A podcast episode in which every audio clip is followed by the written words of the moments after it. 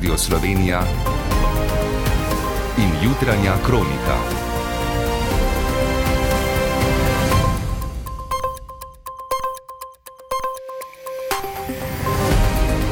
Ura je sedem. Dobro jutro. Po včerajšnji izjemno uspešni športni soboti tudi današnji dan prinaša priložnosti za slavje. Kot kaže, se obeta nova dvojna zmaga kolesarskih asov Rogliča in Pogačarja, smučarske skakalce po včerajšnjem slavju Laniška na uvodni tekmi norveške turneje smučarskih skakalcev popovdne čaka nova tekma, na 62. pokalu Vitrans pa se nova priložnost nasmiha Krancu. V nadaljevanju daj pa tudi o teh temah. Vse več domov za starejše zaradi kadrovske stiske ne sprejema novih stanovalcev. 20 let po atentatu na srpskega premijeja Džinžiča, glede političnega ozadja zločina, številna odprta vprašanja. Nocoj podelitev Oskarjev, za favorita velja znanstveno-fantastični film Vse povsod naenkrat. Danes in jutri, precej sonca, v torek po oblačitev. Z vami sva Dejan Kaloper in Ana Štraus. Oddajo začenjamo s kadrovsko problematiko v domovih za starejše. Na katastrofalne razmere v skupnosti socialnih zavodov opozarjajo že več let. Zaposleni so preobremenjeni, to je tudi eden od razlogov, da odhajajo v druge panoge, kar pa še dodatno poglablja kadrovsko krizo. Vse več je domov, kjer novih stanovalcev kljub stiski svojcev ne sprejemajo več. Ta čas je na sprejem v dom čaka blizu 16 tisoč. Alinka Terlep. Zaradi pomankanja osebja, zlasti zdravstvenih kadrov, številni domovi ne sprejemajo novih oskrbovancev, nekateri novi sploh ne odprejo svojih vrat, ponekod ostajajo prazna cela nadstropja. Ta čas je po besedah sekretarja skupnosti socialnih zavodov Denisa Sahernika. 700 postelj praznih, predvsem iz razloga kadrovske stiske. Razpisi ostajajo nezapolnjeni, ponavljajo jih v nedogled, interesa ni za težko delo in tudi nočno in čez vikende več kot polovica zaposlenih prejema minimalno plačo. Nekaj zanimanja je strani tujih delavcev, toda. Pomembno, da bi se znižala zahtevana stopna znanja slovenskega jezika, in tudi pot do dovoljen in naprej. Ministrstvo za zdravje bi moralo izbrati izvajalce za pridobitev nacionalne poklicne kvalifikacije za bolničare za dolgotrajno oskrbo, pa tega ne stori. Na to normativi že desetletja ostajajo nespremenjeni, novi, ki bi razbremenili zaposlene, so v predalu in šele aprila bo pripravljen nov osnutek. Na skupnosti si prizadevajo tudi za druge rešitve. Uvedba štipendiranja, pripravništva, skratka, cel kup ukrepov bi se lahko izvedlo, če bi bil posluh na drugi strani in če bi se resno zavedali kadrovske problematike v domovih. Bo torej v domovih mesto predvsem za tiste, ki bodo potrebovali manj zdravstvene oskrbe, ostali pa bodo primorani ostati v domači negi. Na vzhodu Ukrajine se nadaljujejo hudi spopadi za strateško pomembno mesto Bahmut. Po navedbah ukrajinske vojske je bilo včeraj v spopadih ubitih 500 ruskih vojakov. Obe strani sicer navajata visoke izgube v omenjeni bitki. Po podatkih britanskih obveščevalcev je vzhod mesta v rokah ruske najemniške skupine Wagner, medtem ko zahodni del še nadzorujejo ukrajinske sile. Ukrajinski predsednik Volodimir Zelenski je v sinočnjem nagovoru izpostavil tudi ruske napade napade drugot. V Hersonu, ki prosto bi šli v magazin za produkt. Rusko obstreljevanje je v Hersonu zahtevalo življenja treh civilistov, ki so bili na poti po nakupih, je dejal Zelenski. V Zaporožju so ruske rakete zadele kritično infrastrukturo. V obmejnih vaseh ruska vojska z napadi ustrahuje prebivalstvo, a to ne bo rusko ozemlje, je še povdaril Zelenski. Ukrajinski zunani minister Dmitro Kuleba pa je pozval Nemčijo naj pospeši dobave streljiva. Kot je dejal, je prav pomankanje streljiva trenutno največja ovira v boju proti Rusiji. Podobne pozive Moskvi je slišati tudi iz paravojaške skupine Wagner. Več izraelskih mest so si noči novic zasedle množice protestnikov, ki nasprotujejo napovedani vladni reformi pravosodja. Po navedbah organizatorjev se je po državi zbralo približno pol milijona ljudi, od tega približno 200 tisoč v Tel Avivu. Po ocenah nekaterih medijev naj bi šlo za največje shode v zgodovini države. V Izraelu že deset tednov potekajo protesti proti pravosodni reformi, ki je sprožila množične obtožbe, čež da bodo zakonodajalci z njo dobili skoraj nenadzorovano oblast. Kritiki so izrazili tudi bojazen, da bo reforma premijeju Benjaminu Netanjahuju omogočila, da se izogne obsodbi na sojenju zaradi korupcije. Danes mineva 20 let od atentata na Zorana Đinđića, prvega demokratičnega predsednika vlade Srbije. Srbijo je po padcu njegovega predhodnika Slobodana Miloševiča želel popeljati na pot korenitih demokratičnih sprememb in proti Evropski uniji. Napovedal je neizprosen boj proti kriminalu, a umrl pod streli pripadnikov zloglasnega zemunskega klana. Iz Beograda Boštjana Žin. Zoran Đinđić je na današnji dan pred 20 leti ob 12. uri in 45 minut pred poslopjem vlade v središču Beograda padel pod streli atentatorja Zvezdana Jovanoviča. Za umorom, o katerem sicer ostaja veliko odprtih vprašanj, predvsem o povezavah s politiko, je stal zloglasni zemunski klan.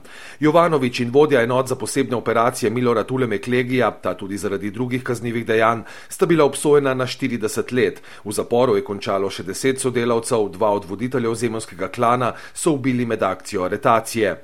Enega od obsojenih Dušena Krsmanoviča pa so po 20 letih zapora na prostosti spustili prav pred dnevi. Džinžič je bil eden od nosilcev 5. oktobrskih sprememb, osnoval je demokratsko stranko in bil eden od voditeljev demokratične opozicije. Srbsko vlado je z veliko mednarodno podporo vodil po padcu Miloševiča, ki so ga kasneje aretirali in poslali v Hak, v času razbohotenega kriminala likvidacij. Džinžiča so predtem poskušali ubiti že trikrat. Njegova nestabilna vlada pa hitrih sprememb ni zmogla. Po Džinžiču je vodenje vlade prevzel Zoran Živkovič, na to nekdani predsednik Vojslav Koštunica, ki se je znova povezal z Miloševičevo socialistično stranko. Od leta 2012 pa so spet na oblasti nekdani Džinžičevi politični nasprotniki, med njimi Aleksandar Vučić. Srpska premijajka Ana Brnabič bo skupaj z ministri na kraju atentata danes položila venec. Obletnico smrti so že včeraj obeležili v Zrenjaninu, edinem srpskem mestu s trgom poimenovanim po Džinžiču. Temu so sporočili, se lahko Srbijo dolžijo le tako, da ustvarijo normalno družbo in državo, ki spoštuje norme, zakone in predpise. Džinžič je skušal Srbijo reformirati v evropskem duhu, jo demokratizirati in modernizirati. Obljubljal je vladavino prava, svobodo ljudi in institucij. Pri tem so ga ustavili ustavili, a njegove misli je treba uresničiti. Kot pravijo, Džinžič ne sme biti mit, ampak vzor. Nadaljujemo pri naših južnih sosedih. Od 1. julija bodo na Hrvaškem trgovine ob nedeljah zaprte. Hrvaški sabor je zdaj začel razpravo o novem zakonu o trgovini, po katerem bodo trgovine lahko odprte le 16 nedeli na leto, ki si jih bodo trgovci izbrali sami. Iz Zagreba poroča Tanja Borčič Bernard.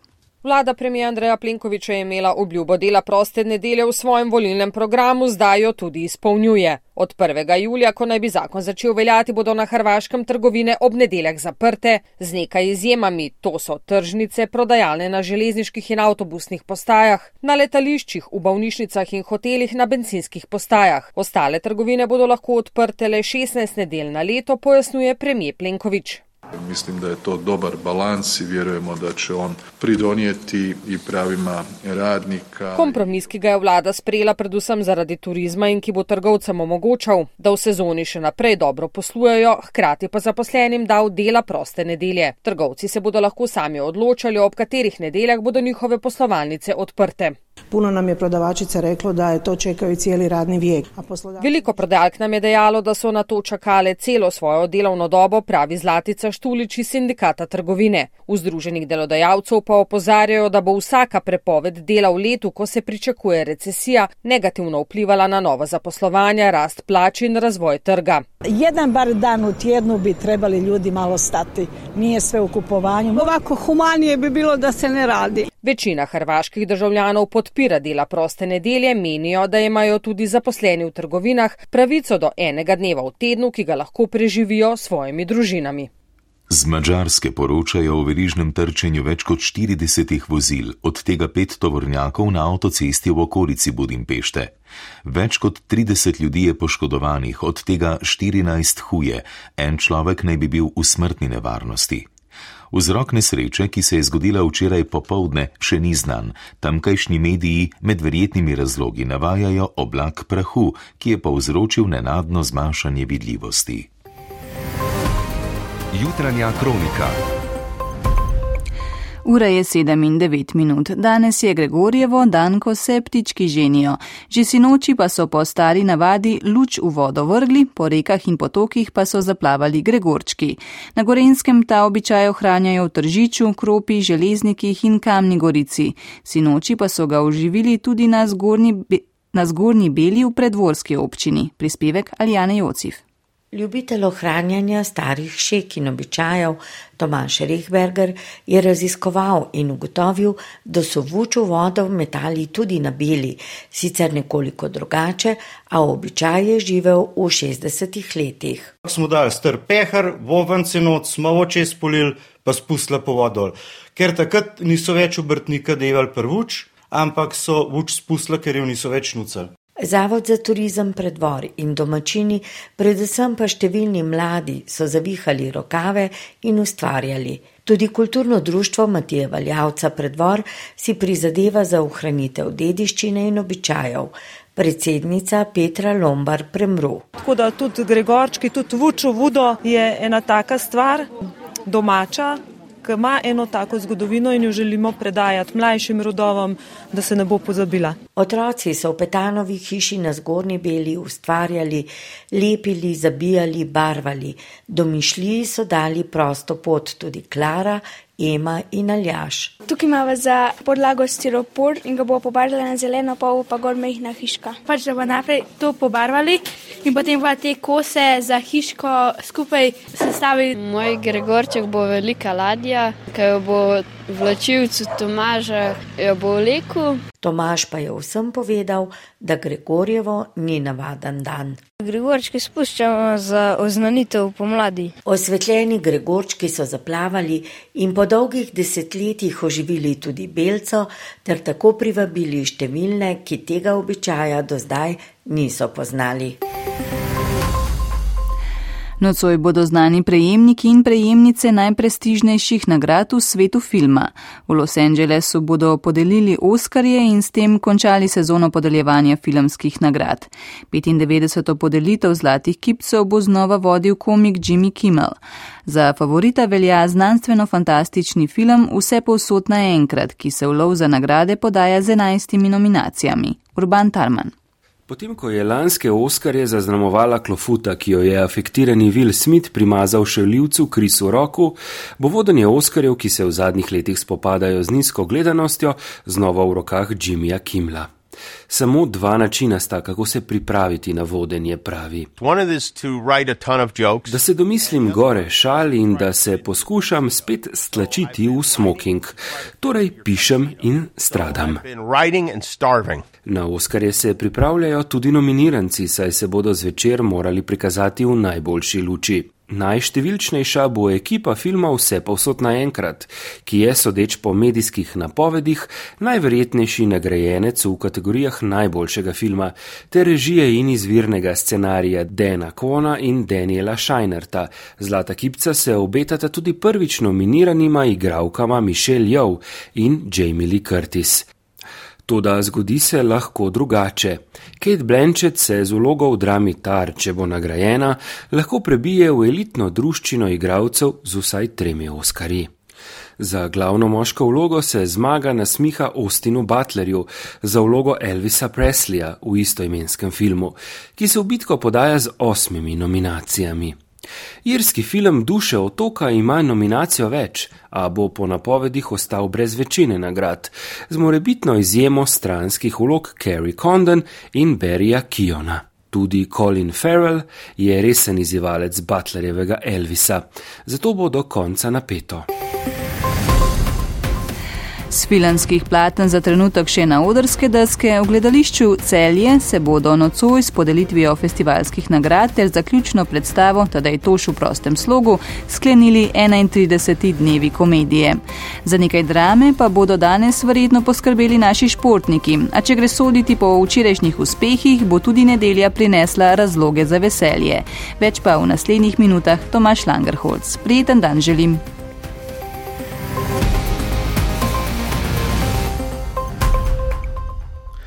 Druga nedelja v marcu bo tako kot lani očitno prinesla novo dvojno zmago obeh slovenskih kolesarskih asov. Samo zamenjala bosta vlogi. Tadej Pogačar je pred prvo zmago na dirki med Parizom in Nico, Primoš Roglič pa bo po šestmesečni odsotnosti zaradi operacije rame še drugič osvojil Neptunovo harpuno na dirki dveh mori v Italiji. Tadej Pogačar je imel v predzadnji etapi kar precej opraviti z obema glavnima konkurentoma. Prvi je tudi napadel na zaključnem usponu predzadnje etape in nam to potezo tudi razložil. Etapa je zelo dolg klanc v zaključku, tako da bo najboljši klančar zmagal, verjetno bo zelo selektivna dirka, tako da ne bo glavni cilj bonus sekunde. Zadnjo etapo se pa lahko igramo bolj na taktiko, tako da bomo videli, ko mi čakamo obe etapi. Pred zadnjim dnem ima Pogačar 12 sekund prednosti pred domačinom Gudujem, Roglič pa je v prednosti 18 sekund pred Portugalcem Almeido. Včeraj sta na uvodnih tekmah smučarjev skakalcev in skakalk navdušila Anžela Nišek, ki je na Holmenkolnu zmagal, in Ema Klinec, ki je zasedla drugo mesto. Po skupno treh serijah sta oba omenjena vodilna na norveški turneji, ki se s kvalifikacijami in novima tekmama nad oslom nadaljuje že danes. Anžela Nišek in Ema Klinec. Vodam sam, vedeti moramo, da je še 8 dni pred nami, tako da nekih zaključkov zdaj še ne moramo uh, potegniti tukaj ven. In, uh, lahko pa gradimo na tem in na rezultatih in na dobrih občutkih od skokov. Ja, zelo, zelo je lepa majica. Uh, seveda si želim, da bi jo obdržala do konca. Uh, to je pa to. Drugi vele slalom za 62. pokal Vitrans bo čez dobri dve uri začel včeraj drugi francos Alexi Pantiro. Žan Kranjec ima po včerajšnjem petem mestu danes še više načrte, skušal bo smučati podobno napadalno kot včeraj v prvi vožnji in skušal unovčiti tudi nekoliko bolj trdo podlago, na progo se bo podal sedmi. Je kakšna stopinja hladnej, smučanje podobno kot prvi tek, probujem še nekaj dodati. Želja je zelo velika, svežina je pa tudi še dosti, da še oddelam tekmo in potem še finale. Štefan Hadalin je bil včeraj zadovoljen po 17. mestu, današnje izhodišče je startna številka 28, nastopil bo tudi Anže Gartner. Včerajšnji zmagovalec, švicar Marko Odermat, ima številko 5 in si lahko z današnjim uspehom že zagotovi mali globus. Odbojkarski večer v Velenju je bil namenjen odbojkarskim sladokuscem, dve tekmi s po petimi nizi in slavje Mariborčank in Ljubljančanov. Podrobneje Boštjan Rebršak. To je bil zanesljivo najboljši finale v zgodovini slovenskih odbojkarskih pokalov. Zaradi preobratov, polnih tribun v Velenju, odlične priprave prizorišča in prvič tudi video pregleda, ki je vsaj malo umiril strasti. Mariborčanke so vodile z dve proti nič v nizih in se rešile šele v petem, ki so ga ob tretji zaključni žogi dobile z 19 proti 17. Tudi v moškem finalu je ACH Volej za 14. pokalno lovoriko potreboval pet nizov. Prvi štirje so se končali z največ tremi točkami razlike zadnji v korist Ljubljančanov s 15 proti 10.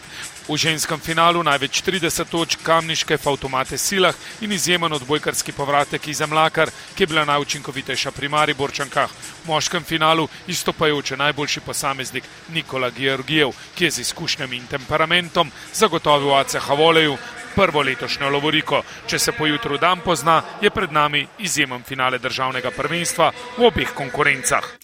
Hokejisti jesenico le še zmago oddaljeni od uvrstitve v polfinale Alpske lige. Sinoči so na tretji tekmi četrt finala v Podmežakli s tri proti nič premagali Vipiteno, po tekmi napadalec Žan Jezovšek. Danes je bila do zdaj najboljša tekma v tej seriji, najbolj sovereno, najboljše smo igrali. Uh, ja, tri proti nič je zajetna prednost, ampak ni konec, dokler ni. No. Slovenski rokometaši se bodo zvečer v Bonifiki znova pomerili s Črnogoro v kvalifikacijah za Evropsko prvenstvo. Prvi strelec slovenske reprezentance ob zmagi v Podgorici in tudi sicer v kvalifikacijah je Aleks Vlah. Seveda spet pozitivno tekmo, uh, tam je bila uh, res dobra atmosfera, uh, pričakujem tudi tukaj podobno oziroma vsaj da bo polna bonifika in da skupaj prijemo do nove zmage. V prvi slovenski nogometni ligi sta bili včeraj na sporedu še dve tekmi 26. kroga. V ljudskem vrtu sta se Maribor in Tabor rašla brez zmagovalca 1 proti 1, celje pa je v gosteh z 1 proti nič premagalo Koper po pomembni zmagi celjanov Lauro Bizjak. Uh, in prikazali eno res kvalitetno igro v drugem polčasu.